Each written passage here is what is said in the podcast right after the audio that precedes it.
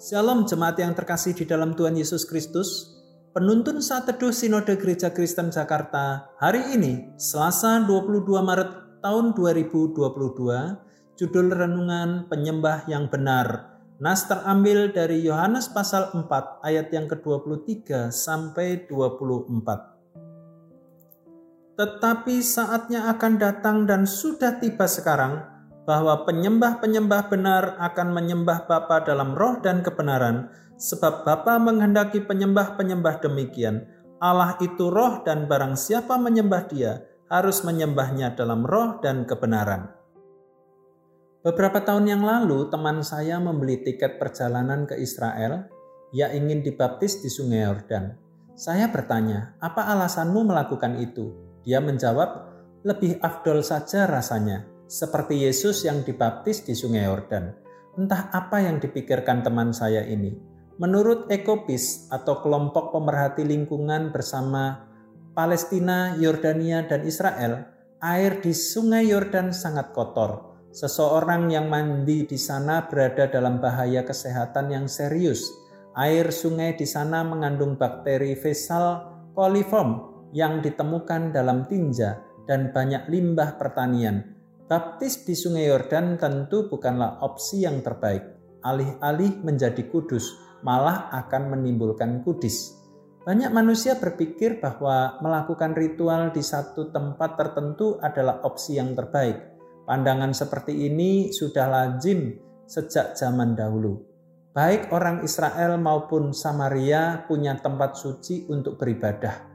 Yohanes pasal 4 ayat yang ke-20. Mereka percaya bahwa ada tempat-tempat tertentu yang dikultuskan untuk dapat menyembah Allah. Penyembahan menjadi tidak berarti bila tidak melakukan penyembahan di tempat tersebut. Namun Yesus membantah kepercayaan tersebut dengan mengatakan bahwa tetapi saatnya akan datang dan sudah tiba sekarang bahwa penyembah-penyembah benar akan menyembah Bapa dalam roh dan kebenaran, sebab Bapa menghendaki penyembah-penyembah demikian. Allah itu roh dan barang siapa menyembah dia harus menyembahnya dalam roh dan kebenaran.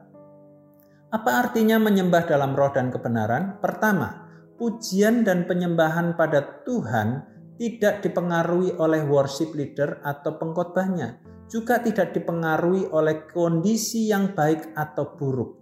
Kita menyembah Tuhan karena kesadaran bahwa kita diciptakan untuk memuliakan Tuhan. Kedua, kita menyembah Tuhan dengan sikap yang benar. Sikap bukan hanya sekadar gestur, namun juga perilaku di luar rumah ibadah. Penyembah yang benar akan memperlakukan orang lain dengan penuh kasih. Sudahkah kita memberikan pujian penyembahan yang terbaik kepada Tuhan? Pujian penyembahan yang terbaik tidak harus dilakukan di Yerusalem. Pujian dan penyembahan yang terbaik bisa kita berikan kepada Tuhan dalam kondisi apa pun, baik senang ataupun susah. Kita tidak mengurangi kualitas penyembahan kita pada Tuhan, sekalipun sedang banyak pergumulan. Kita juga memberikan pujian penyembahan yang terbaik lewat hidup berdamai dengan sesama. Kita menjadi perpanjangan kasih Allah untuk menolong sesama jadi, kapan pun dan di mana pun kita berada, kita dapat memberikan pujian penyembahan yang terbaik pada Tuhan. Penyembahan terbaik adalah ketaatan untuk melakukan yang Tuhan inginkan. Selamat beraktivitas, Tuhan Yesus memberkati.